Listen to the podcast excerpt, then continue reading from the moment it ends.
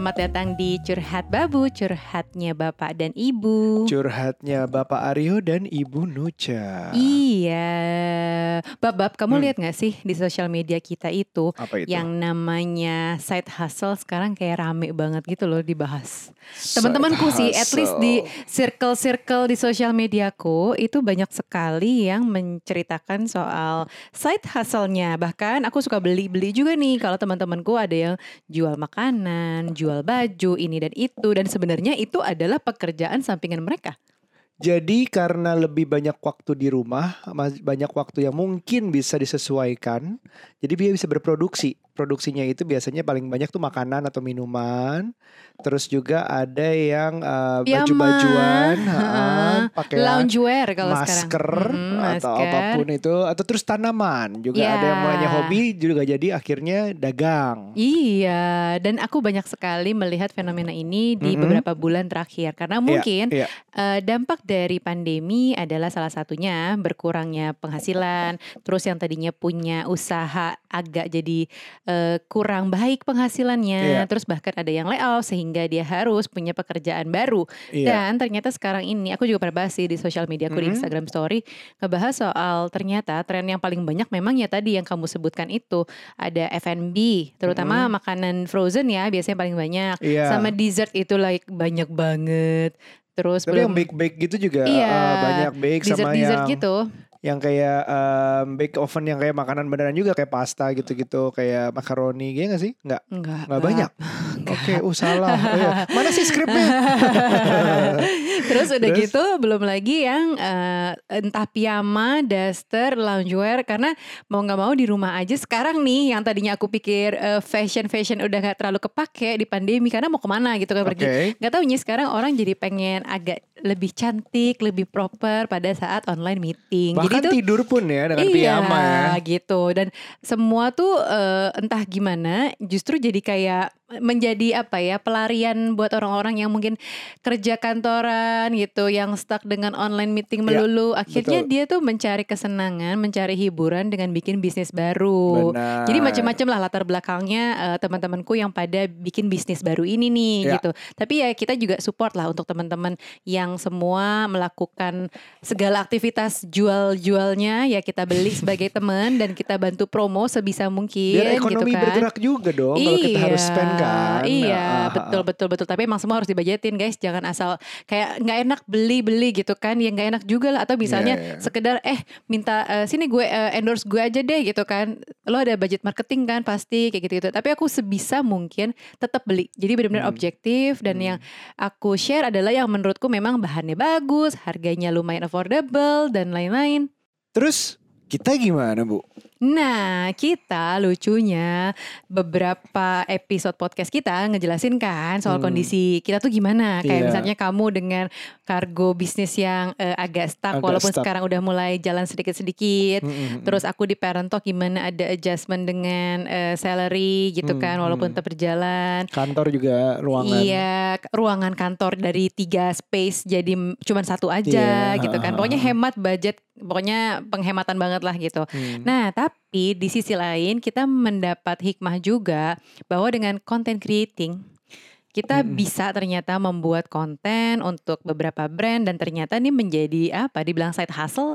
Enggak juga sih karena emang itu kerjaan kalau aku di Parent Talk ya, aku kan bikin konten. bikin konten memang tapi ini kan juga sekarang kita jadi lebih banyak juga konten buat pribadi tapi di akun pribadi Iya, gitu. iya, iya, iya. Mungkin kerjasamanya bukan lagi ke Parent Talk, tapi ada sekarang jadi lebih banyak ke aku Iya, gitu kan betul. pribadi dan kamu juga. Nah, karena mungkin kita eh, kalau di sini eh, teman-teman yang dengerin pernah ya mungkin udah follow juga Instagram kita, terus YouTube-nya Aryo, terus podcast ini gitu ya. Mm-mm, Jadi mm-mm. memang kita bikin konten tadinya ya niat-niat nggak niat sih, tapi ternyata bikin konten yang bermanfaat, yang bikin orang inspire tuh ternyata Iya. wow, oh gitu ya. Aku pikir nggak bermanfaat, wah aku pikir nggak gimana-gimana. Ternyata Iya. bisa mengubah hidup orang secara nggak langsung. banyak banyak challenge ya sih maksudnya eh, ini kan juga jadi jadi profesi yang kalau ditanya anak kecil mau jadi apa gedenya juga ada ya banyak yang mau jadi content creator lah zaman dulu mungkin waktu kita kecil kita nggak pernah kepikiran untuk jadi ini Betul. sekarang ada yang namanya mau jadi apa jadi youtuber jadi tiktoker jadi Selebgram. selebgram jadi gitu-gitu dan Ya, itu ya. kerjanya kan sebenarnya kan em, ada mikir mungkin banyak yang mikir "Ah, gampang kan nggak nggak juga sih nggak juga Nggak Jadi- juga loh. jadi secara pekerjaan pertama um, kita tuh berarti sekarang harus memikirkan sebuah konten yang kita juga masih harus ada seperti kalau aku sih paling tantangannya adalah kontennya itu tetap berguna, tetap Mhm. engaging, tetap bertanggung jawab. Mm-mm. Jadi semuanya berusaha bikin um, konten yang memang kitanya happy, bikin konten itu pertama, kedua misalnya ada brand-brandnya happy, ketiga uh, yang baca yang lihat juga happy gitu sama-sama gitu. Jadi maksudnya berguna entah itu informatif atau engaging atau Hmm. entertaining, at least one of those deh. Tapi nggak kayak menyus- menyesatkan, menyusahkan, ya gitu-gitu. Iya iya iya dan aku tahu sekali di bidang bikin konten ini sebenarnya eh, tentu ada ada ada keinginan kita supaya kontennya viral gitu kan. Uh-uh. Tapi ya aku dari awal bikin parent talk terus aku bikin konten buat Mm-mm. akunku sendiri, aku nggak kebayang tuh yang atau nggak kepikiran sama sekali buat wah ini konten gue harus harus viral aku nih. nggak mau lu Gue viral. harus hits banget gitu kan. Enggak, justru aku nggak pernah kepikiran pada saat Iya. waktu bikin parent talk di awal justru spike-nya spike banget gitu loh Ah, untuk growth followernya. Terus engagementnya hah kok bisa sih? Kok bisa sih? Aku kadang mikir gini sampai eh, ada kepikiran ini siapa sih? Ini ada yang ada yang daftar ini ya jual beli followers di parent talk kok tiba-tiba kayak kok naiknya cepet banget. Jadi Nucha ini ini, ini banget untuk yang gitu. belum tahu mungkin belum pertama kali dengerin Mm-mm. topik apa podcast ini, uh, Nucha ini punya parenttalk.id yang dalam tiga tahun mencapai baru saja tiga tahun mencapai 800 ribu subs- eh, followers tanpa membeli ya organik, organik gitu. gitu. Dan kaget sih yang paling yang paling cukup bagus performance-nya itu emang di tahun-tahun pertama karena itu bikin amazed banget. Hah, kok bisa ya? Kok bisa ya? Kok bisa ya? Gitu Eh, terus YouTube kan kamu aku udah berapa? eh, YouTubeku 81 ribu. Uh, YouTube Parent Talk ya. Eh, YouTube ah, Parent. Talk. Jadi boleh di subscribe. jadi jadi Parent Talk juga ada ya, YouTube dan juga ada podcast. Podcast. Ah, Baru- kamu, aku baru 6.000 kamu sih. TikTokan sih joget-joget orang tua. Aduh. gitu, aku belum mendapat feel-nya di TikTok walaupun itu hits katanya milenial banget aku tapi belum. Milenial dan seterusnya yang muda-muda juga. iya, tapi nah Ah, itu dia ah. tuh, Mak. Nah, masalahnya challenge-nya eh, content creating apakah iya semua konten itu harus mengikuti platform yang ada Benar. termasuk dengan TikTok ini. Aku masih belum melihat relevansinya eh, parenting di dalam TikTok gitu. Jadi Jadi, ke- belum belum kepikiran. Kalau gitu. aku ya, aku nggak aku nggak mau malah viral. Bukan nggak mau ya, nggak pernah ngejar sama sekali viral. Lebih ke arah kayak, um, aduh semoga nggak viral ya. Karena karena menurutku banyak juga yang kayak beban viral itu ada. Misalnya, Hmm, kalau kamu udah viral sekali, what's next? iya. The pressure of keeping the pace itu ada pressure-nya. Ah, Terus the thing is um, orang yang viral yang ketemu akun kita itu bagus apa enggak, eh, suka sama posting tertentu, belum tentu mengenal kita dari posting-posting sebelumnya. So there will be a lot of questions yang tiba-tiba kalau viralnya ternyata kontroversial, eh, kalau aku mungkin bisanya kenanya ke kamu, ke anak-anak gitu. Karena belum tahu. Aku suka sustainable growth dari dulu kayak gitu. Iya sih, bener-bener bener. Aku juga nggak ngejar viral karena aku takut biasanya eh, ada bubble effect tuh, Iya. yang cepet banget gedenya atau Ah, bagus ah. banget kontennya tiba-tiba meletus, puff, jadinya Benar. gone aja gitu loh. Kalau entah di- karena entah apalah gitu Iya, ya. Ini anak politik nih ngomongnya bubble effect. Kalau kalau kalau di musik ini one hit wonder. Oh, oh, iya, iya, iya, iya. Kamu tahu lagu uh, I Get Knocked Down, But I Get Up Iya, Again itu iya, udah nggak iya. ada tuh cuma coba wamba gitu. Iya iya iya iya iya. Nah, aku juga nggak pengen gitu menjadi eh, bikin-bikin konten Iya. yang vi- ngejar viral aja. Justru ya udah eh, orang follow memang karena suka, relate dan ah. bermanfaat buat buat orang itu Mm-mm. gitu. Jadi aku belum lihat semua platform yang ada itu bisa dimasukin sama akun-akunnya Iya. Parent Talk ini karena Iya. balik lagi lah kita juga punya originalitas, authenticity, terus punya idealisme Iya, gitu benar. loh. Tapi itu bukan salah ya. Maksudnya berada di sebanyak mungkin channel itu juga harus di- Bagus. bukan salah atau benar, tapi harus Mm-mm. dipertimbangkan cocok apa enggak. Iya, betul betul betul. Karena uh, omni channel itu juga salah satu yang bikin um, menurutku ya aku masih survive sekarang. Hmm. Jadi aku banyak ada di banyak channel walaupun nggak semua. Aku belum ada di TikTok, eh, apa namanya? Dulu ada namanya Plurk, terus Pet Mati, terus ada Snapchat juga ya nggak aku lewatin itu semua gitu. Jadi being Mm-mm. omnichannel is, a- is an option juga. Nah, sep- nah itu kan akibatnya lebih banyak konten yang harus dibikin karena platformnya makin banyak. Akibatnya salah satu tan- um, kunci jadi content creator adalah konsistensi. Mhm. Misalnya mau itu konsistensi secara mikro, oh aku harus bikin video sehari sekali atau atau foto sehari sekali Instagram. Atau makronya dalam dalam setahun gue nggak pernah putus nih, Mhm. um, uh, sebulan sekali pasti ada konten itu makronya terserah sih mau Ya. dibikinnya.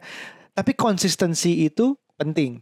Jadi konsistensi udah gitu semakin banyak channel, akibatnya banyak banget banyak banget waktu yang harus kita korbankan atau Bukan dedikasikan. korbankan sih. Kalau korbankan kan kayaknya Iya, iya, iya. negatif Iya, ya. iya, Ini iya. dedikasi. Ya ya, oke oke. Banyak, Dedikasi banyak. atau Karena kalau pengabdian. aku kalau lagi bikin konten ya, itu Ah. nggak bisa banget tuh di- dibagi-bagi dengan misalnya ada online meeting, ada webinar, ada Iya. IG live, terus sambil bikin konten nggak bisa. Bikin konten tuh kayak harus bener-bener fokus gitu Ya, loh. Dan bikin Karena konten tuh bukan cuma produksi ya, artinya bukan cuma kayak oh harus foto, harus video, tapi mikirin konsep sebelumnya itu juga tantangan. Iya, belum kalau dalam satu pembuatan video kan ada skripnya, Mm-mm. bikin guideline-nya dulu, Iya. terus kalau ada narsum hubungin narsumnya Iya, dan booking misalnya ada tempat lah kalau ada. Iya, atau Heeh. misalnya ada brand yang tap in kita harus sesuaikan juga message-nya dan Iya. lain-lain. Wah, di balik bikin konten itu complicated sih menurutku. Benar, benar, benar. Itu itu itu jadi tantangan tuh konsistensi untuk memenuhi bagi waktu, bagi tenaga segala macam. Hmm. Ya Kak, kita berhasil mungkin lebih banyak konten hari ini ya kali ini karena mungkin waktu di kerjaan utama aku ya semakin sedikit karena Iya. lagi struggling. Iya, iya. gitu. Nah, tapi kalau aku nih sambil mengerjakannya dua hal. Jadi Mm-mm. mengerjakan parent talk, Mm-mm. at the same time aku ngerjain yang akunku sendiri gitu ya. Benar, Nah, benar. eh, menurutku nih bukan hal yang gampang karena membagi waktunya juga harus pinter-pinter. Ya. Karena eh, aku tetap tetap menomorsatukan parent talk tentunya Ya, karena ini memang source of income utamaku dan Ya. di situ ada timku. Ya. Jadi aku harus tetap bekerja supaya kita semua sama-sama masih bisa eh, menerima gaji dengan Ya. baik gitu kan. Oke. Nah, terus tapi eh, bikin sebenarnya kayak ngebagi waktunya nggak gampang kayak waktu itu parent talk sempet ya yang di, di masa pandemi ini aja seminggu empat Instagram live Mm-mm. ya aku berbagi dengan partnerku Tim. juga tim kan ada yang IG live juga cuman pasti mostly tuh banyakan aku Ya, Ya ya, kan? karena orang lihat foundernya mungkin. iya nah itu aja itu tuh masih aku aku sendiri ya dari eh, di, di parent talk belum aku, belum akun aku sendiri yang aku Hmm. kerja sama dengan brand dan Hmm. lain-lain itu kan makanya kita bikin podcast sarjana Instagram live Iya. saking banyaknya waktu itu sempat kayak ada dalam seminggu aku malah ada 8 Instagram live empat parent talk empat Iya, lagi yang jadi pribadi lebih dari sekali sehari ya Bu ya. iya pernah kan Hmm. kayak capek banget gitu abis itu dipikir-pikir aku agak menghilang dulu tuh agak hibernasi terus aku Iya. mikir wah kayaknya nih harus harus bagi waktu yang benar dan baik Benar, gitu benar. jadi emang kalau kalau di sini ada yang berniat menjadi content creator gitu ya coba deh pelajarin punya idealisme atau punya eh, persona yang kalian inginkan tuh pengen jadi content creator yang kayak siapa sih terus caranya gimana menurutku sekarang banyak banget di online class webinar bikin konten tuh Benar. banyak dulu Hmm. zamannya eh, aku bikin parentok nggak ada tuh bikin Iya. kelas-kelas gitu gimana caranya bikin konten Udah gimana banyak caranya Udah banyak yang menyebarkan mem- mem- membagi-bagikan behind the scene-nya, Iya. konsep di belakangnya ini. Uh-uh. Udah bahkan untuk kasih behind the scene-nya udah jadi konten buat mereka Iya. gitu loh.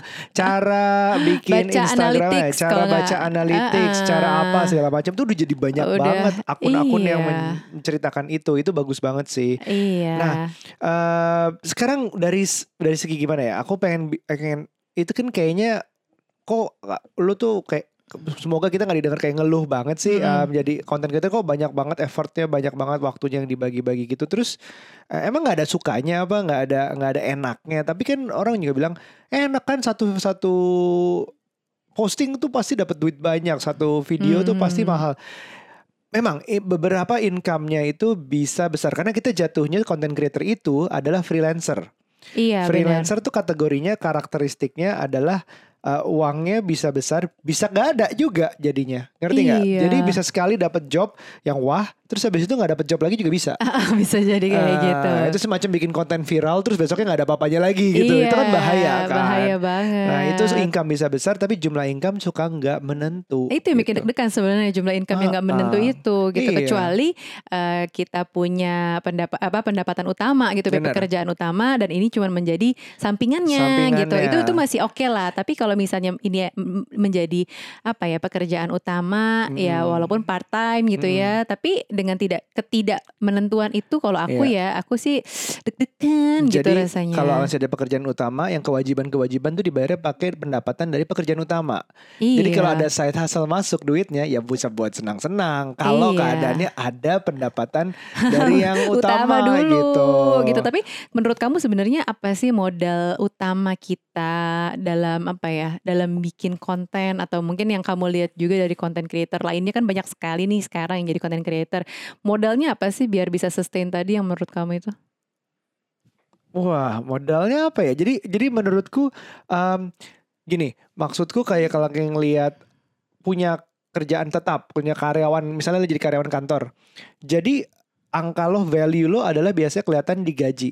Mm-mm. Jadi itu akan naik, akan bisa naik terus. Mm. Eh, jadi gajinya apakah naik, apakah itu ya itu jabatan naik. Nah itu udah basisnya. Sedangkan modal utamanya kita sebagai content creator harusnya adalah portfolio. Jadi Mhm. kalau kita ngukur dari ma- uh, dari matriks yang sama yaitu pendapatan, bisa aja satu video atau satu post kita dapat sekian. Mhm. Terus besok harganya nggak tentu, bisa aja dipotong atau naik atau turun, tapi bisa aja pas udah naik tuh turun lagi. Pokoknya uang itu bukan elemen yang bisa ditentukan sebagai modal utama kita, value kita, tapi Iya. adalah yang lebih ke portfolio. Kita udah pernah bikin apa aja, kita udah pernah kerja sama sama siapa aja, um, engagementnya berapa paling engagementnya tinggi? berapa, bagusnya apa, segala macam. Terus growthnya segimana, setiap postnya bulan lalu sama bulan sekarang gimana bedanya? Ya, Itu yang harus lebih Sama modalnya adalah attitude loh menurutku. ya ya modal-modal Iya kan? lainnya banyak, attitude, disiplin waktu untuk konsistensi, karakter. Bagi aku eh, yang membedakan semua bisa ngomongin tentang gadget. Kayak di di tech reviewer ada Iya. yang ada yang em, temanku kan yang si David kan mulainya bahkan sesudah aku tapi sekarang udah 6 juta subs kan. Aku masih 60 ribu, aku masih satu persennya terus selalu. Nah itu tuh kayak kayak em, dia tuh ada sesuatu karakter gitu yang yang orang lain nggak punya menurutku Aha. dan plus dasarnya kualitasnya bagus uh, videonya konsisten segala macem gitu-gitu hmm. jadi kayak memang harus karakter itu yang membedakan semua orang bisa ngomongin tech tapi lo bedanya apa gitu ada yang mungkin Hmm. karakternya memang unik udah dari sananya sehingga menarik gitu aja ada yang mungkin harus ditemukan dulu dicari dulu baru dikembangkan Oh, iya iya iya iya iya. iya. Hmm. Eh, kalau aku sendiri ya, aku attitude merasakan gimana tuh ya bukan et, ya attitude tuh eh, mungkin gini kayak pengalamanku di Parentok kan aku bisa bekerja sebagai publisher, Ah. bisa menjadi agency ala-ala, menjadi perantara antara brand dengan KOL yang aku kerja sama gitu kan, atau bahkan ya Parentok menjadi eh, bagian dari hilirnya alias ya aku yang ngepost yang terakhir gitu iya. kan. Nah dari pengalaman itu aku ngelihat sih bekerja sama dengan beberapa pihak yang kadang ada et- attitude dan ya ada yang kurang, ada yang oke banget gitu. Kita bisa ngelihat sih dari gaya email, Hmm. dari sesimpel ngejawab WhatsApp, dari kayak kedisiplinan eh, ngirim apa namanya draft eh, Iya. foto dan lain-lain sesuai dengan sesuai dengan timeline kita dan lain-lain itu tuh ngaruh banget sih attitude-nya. Kalau misalnya oke lah telat, work or- ethics ya, Ya, lebih ya. ke situ sih. Ha, ha, Ha. Itu yang bisa membedakan sih antara satu content creator dengan yang lain. Tapi aku Kalau sendiri online meeting videonya lapang enggak gitu ya. Balik lagi ke konten Balik situ. kemarin. Iya, tapi terus eh, aku juga merasakan sih dulu kan aku sa- lebih prefer untuk jadi karyawan karena menurutku semuanya udah sistematis. Bener. Aku cuma tinggal terima gaji dan aku tinggal kerja aja gitu. Bener. Yang mengerjakan perintilannya aku udah ada orang lain alias Struktur. uh, uh, misalnya udah ada strukturnya gitu kan, udah ada bagian-bagiannya. Aku cuma fokus ngerjain ini doang gitu kan. Hmm. Tapi uh, aku nggak pernah kebayang bisa bikin parent talk dan ternyata harus ngelit ini dan itu harus mencoba menjadi uh, apa namanya Yang in- bikin struktur, yang, yang bikin ngasih struktur. gaji. iya kayak gitu yang ternyata wow gitu kan rasanya jadi beda banget sih Hmm. antara kita punya penghasilan tetap dari uh, digaji sama perusahaan Hmm. sama kita yang menggaji uh, tim kita Beda rasanya. kayak tanggung jawabnya beda terus gimana cara bagi waktunya beda Hmm. lebih punya ide sekarang kalau dulu aku kayaknya nggak punya ide bab waktu jadi karyawan gitu kayak Iya, ya iya, udah iya. gue nungguin bos gue aja ngomong apa gue tinggal lakuin kayak doer Bener. gitu loh Ya oke oke, got it, got it, got it. Tapi kerja di di sebagai karyawan tetap tuh ada ada benefitnya loh. Bukan cuman bukan cuman tadi yang kamu bilang struktur, aturan, ada bosnya, ada guidance-nya, tapi juga hal-hal seperti misalnya kalau sakit Aman, aman banget. Ada reimbursement, ada proteksi yang udah di cover oleh kantor semuanya. Tinggal uh, yang penting ada invoice-nya, yang penting di rumah sakit yang dirujuk, yang penting ini, yang penting itu. Ya udah, sip, udah. Ada ada yang modelnya cashless segala macam, udah aman. Dan aku nggak pernah merasakan itu. Kamu pernah ya? Kamu Eh, pernah ya? pernah, cuman aku juga nggak yang manfaatin gimana-gimana sih. Ya Kayaknya kan dulu nggak pura pura-pura iya, sakit, Karena nggak lah. dulu relatif oke-oke aja, nggak Oh, yang jarang sakit? Jarang sakit aku. Oh, berarti kerjanya kurang keras. Kurang keras. Apa aku yang kurang memanfaatkan ya Iya, benefit iya, proteksi iya. dan lain-lain itu? iya, ya, ya itu itu itu satu hal yang harus dipikirin kita sebagai freelancers atau content creator harus pikir lebih keras lagi karena ya kerjanya mungkin keras juga tapi ada berarti ada kemungkinan sakit juga ada gitu Iya. kemungkinan tiba-tiba kecapean tifus segala macam bukan cuma buat orang kantoran kan Iya. kadang-kadang kan buat buat semua orang itu gitu Iya, iya, iya, iya. Kita harus mikirin dan punya budget sendiri sih untuk itu. Karena nggak ada yang mikirin proteksinya kita.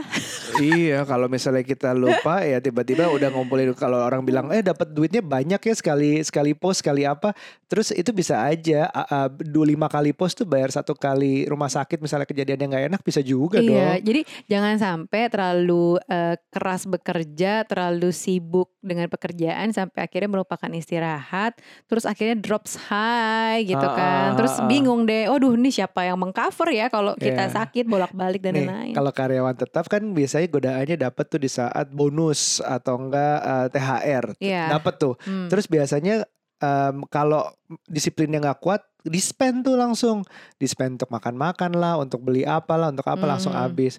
Godaan yang sama terjadi sebagai freelancer di saat dapat eh, ha- hasil gaji, bukan gaji ya, apa namanya? Invoice yang cair. Invoice yang cair gede gitu. Eh, Atau enggak misalnya invoice-nya semua telat terus tiba-tiba cairnya di, di lima invoice sekaligus cair di waktu yang sama tergoda untuk spend. Bener sih. Nah itu yang bahayanya kalau kita nggak ada disiplin yang kuat untuk untuk ya siapin proteksi, siapin yang gitu karena kita nggak bisa reimburse, reimburse ke mana freelancers? Mm-mm. Iya nggak? Iya, iya, iya, iya, iya. Dan kita tahu sekarang kan ya memang proteksi itu ada macam-macam ya. Ada apa namanya proteksi untuk jiwa, ada proteksi Kesehatan. buat kesehatan. Mm-mm. Nah itu yang perlu dihitung-hitung gitu. Dan Betul. kemarin ini aku lebih fokus sebenarnya mikirin eh, proteksi untuk jiwa ya bapak ya. Iya kan ya aku itu gitu karena aduh punya anak, aduh anak gue masih, Masih kecil, sekolah, masih ha-ha. kecil. Kalau misalnya amit-amit gue kenapa-napa Iya gimana? Jadi kayak kalkulasinya harus lebih dalam gitu. Tapi ya jadi agak kurang agak melupakan nih yang namanya eh, proteksi Iya. kesehatan gitu. Oh iya kalau kita sakit pun sebagai freelancer itu bukan Mm-mm. cuma harus bayar biaya sakitnya, tapi harus bayar opportunity cost yang hilang di saat kita nggak bisa menghasilkan di saat kita sakit. Eh double ya. Double jadinya. gitu. Jadi misalnya saya sakit dua minggu, berarti kita nggak bisa terima kerjaan dua minggu bahkan mungkin lebih Mhm. gitu. Itu juga harus uh, pentingnya ada proteksi menurutku. Iya iya iya iya benar. keadaan seperti itu. Iya dan tapi ya sebenarnya kalau di eh, aku sendiri nih dengan timku ya proteksinya sederhana sih Apa yang itu? memang ya ya yang memang ditanggung apa namanya yang Pemerintah. bagian dari pemerintah Oke. itu Mm-mm. gitu kan belum menambah proteksi dari mana-mana karena kan eh, aku startupnya belum belum unicorn ya Oh gitu. Jadi- ini kode buat uh, Kode buat yang mau jadi- investor. eh. Oke, baik, baik. belum unicorn jadi ya udah deh yang yang standar dulu tapi Hmm. aku mengencourage juga si timku untuk punya proteksi eh, apa namanya kesehatan dan eh, proteksi apa Jiwa. namanya jiwa sendiri Ah, ah, gitu. ah, kalau memang kira-kira mampu ya udah deh. Apalagi soalnya kan banyak yang udah punya anak ya. Jadi kayak misalnya Karena proteksi juga personal banget. Iya. Eh, anaknya berapa, yang jumlah tanggungan berapa, terus misalnya kayak eh, mau sakitnya dirawat di mana, level mana, gitu-gitu kan? mm, iya, mm, proteksi mm, sangat mm, mm, itu. Jadi kita eh, jangan lupa kayak prinsip aku dan Aryo ini kan kita selalu mikirin yang namanya dana darurat dan juga proteksi itu di awal sebelum investasi gitu ya. Mm-mm. Jadi eh, investasi tetap harus ada ya di masa pandemi ini. Mengerti sekali kok kalau misalnya pendapatan kita berpengaruh jadi berkurang dan lain-lain. Tapi gimana caranya biar kita tetap bisa menghasilkan, tetap bisa bertahan ya ambil pekerjaan yang part time part time itu yang side Mm. hustle tanpa melupakan pekerjaan utama. Eh, aku jadi inget bab kemarin lihat di Instagram story temenku dia lagi lagi open job vacancy gitu. Dia bilang yang masuk tuh CV banyak sekali dari berbagai macam uh, latar belakang. Ada yang udah nggak punya kerjaan dari 9 bulan lalu, ada yang uh, ibu-ibu, ada yang single mom, ada yang apa gitu. Dia bilang uh-huh. rasanya pengen gue hire semuanya gitu karena karena nih banyak banget gitu. Berarti segitu banyaknya orang yang membutuhkan pekerjaan saat iya, ini betul. gitu kan. Dan dia dia ngasih tahu dan mengingatkan kita juga sih pas aku baca aku langsung jelek gitu ya.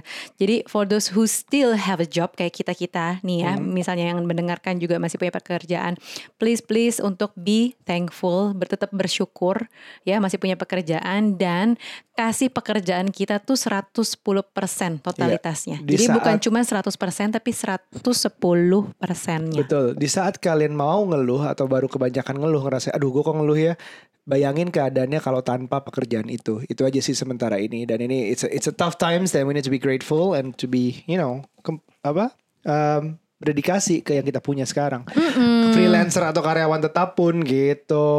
Nah, sekali lagi kalau kita lagi ngomongin um, proteksi dan kita kita itu aja baru satu tahap. Gimana freelance kita ngomongin masalah investasi uh, makin makin makin mikir lagi ya. Jadi kalau misalnya kita kita uh, sebagai yang freelancer tuh harus ada punya pengeluaran kita tuh berapa sih? Jadi pendapatan apa pun jangan di spend dulu untuk yang apa ya sekunder atau tertier sampai memenuhi kita masukin dulu di pengeluaran kita bulanan. Ngerti nggak? Hmm, hmm, hmm. Misalnya pengeluaran bulanan kita adalah 20 juta. Hmm. Misalnya duit yang dapat berapapun dari kerjaan-kerjaan freelancer masukin dulu ke situ sampai menyentuh angka 20. Hmm baru sisanya baru bisa kita berpikir-pikir lah kita mau beli apa, mau spend apa, mau senang-senang pun sampai akhirnya kita harus juga mikir investasi.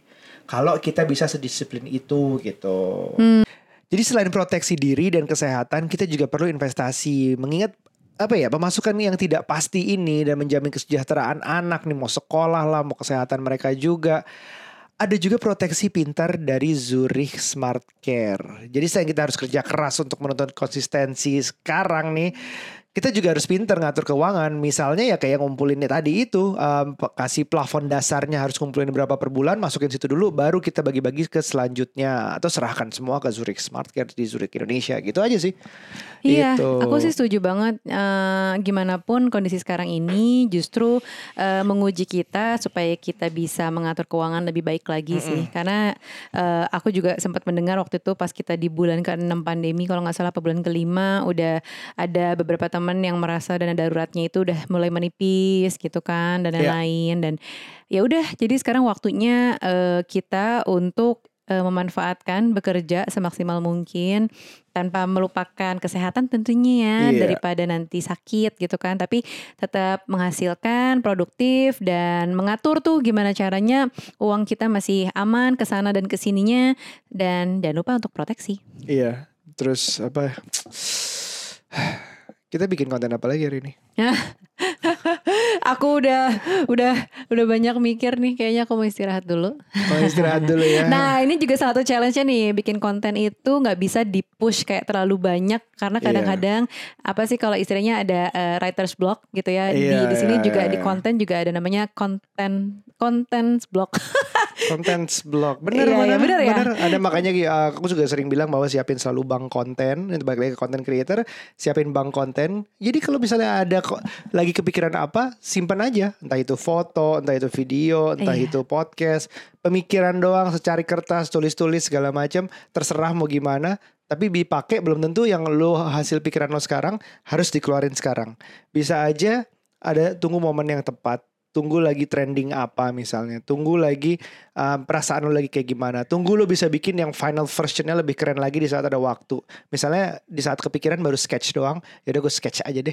Tapi nanti hmm. bisa gue pikirin lebih lanjut lagi, bisa lebih keren nih kalau gue udah pikirin ini gitu. Kayak Adri pun bisa menyelesaikan Adriano Colby mm -hmm. teman kita, um, bisa menyelesaikan suatu joke itu dua tahun. Ah. gitu dari memang menunggu momen yang tepat itu bank of content iya. juga bisa dipikirin ya itu intinya adalah kalau misalnya udah ngerasa lelah banget untuk berpikir bikin konten apa lagi hmm. karena kreativitas kita kan juga terbatas ya kalau misalnya dipaksain terus gaspol tuh mentok gitu kan iya. kita butuh break butuh hmm. istirahat untuk kemudian kita bisa bikin konten yang lebih menarik lagi sih betul hmm. oke okay.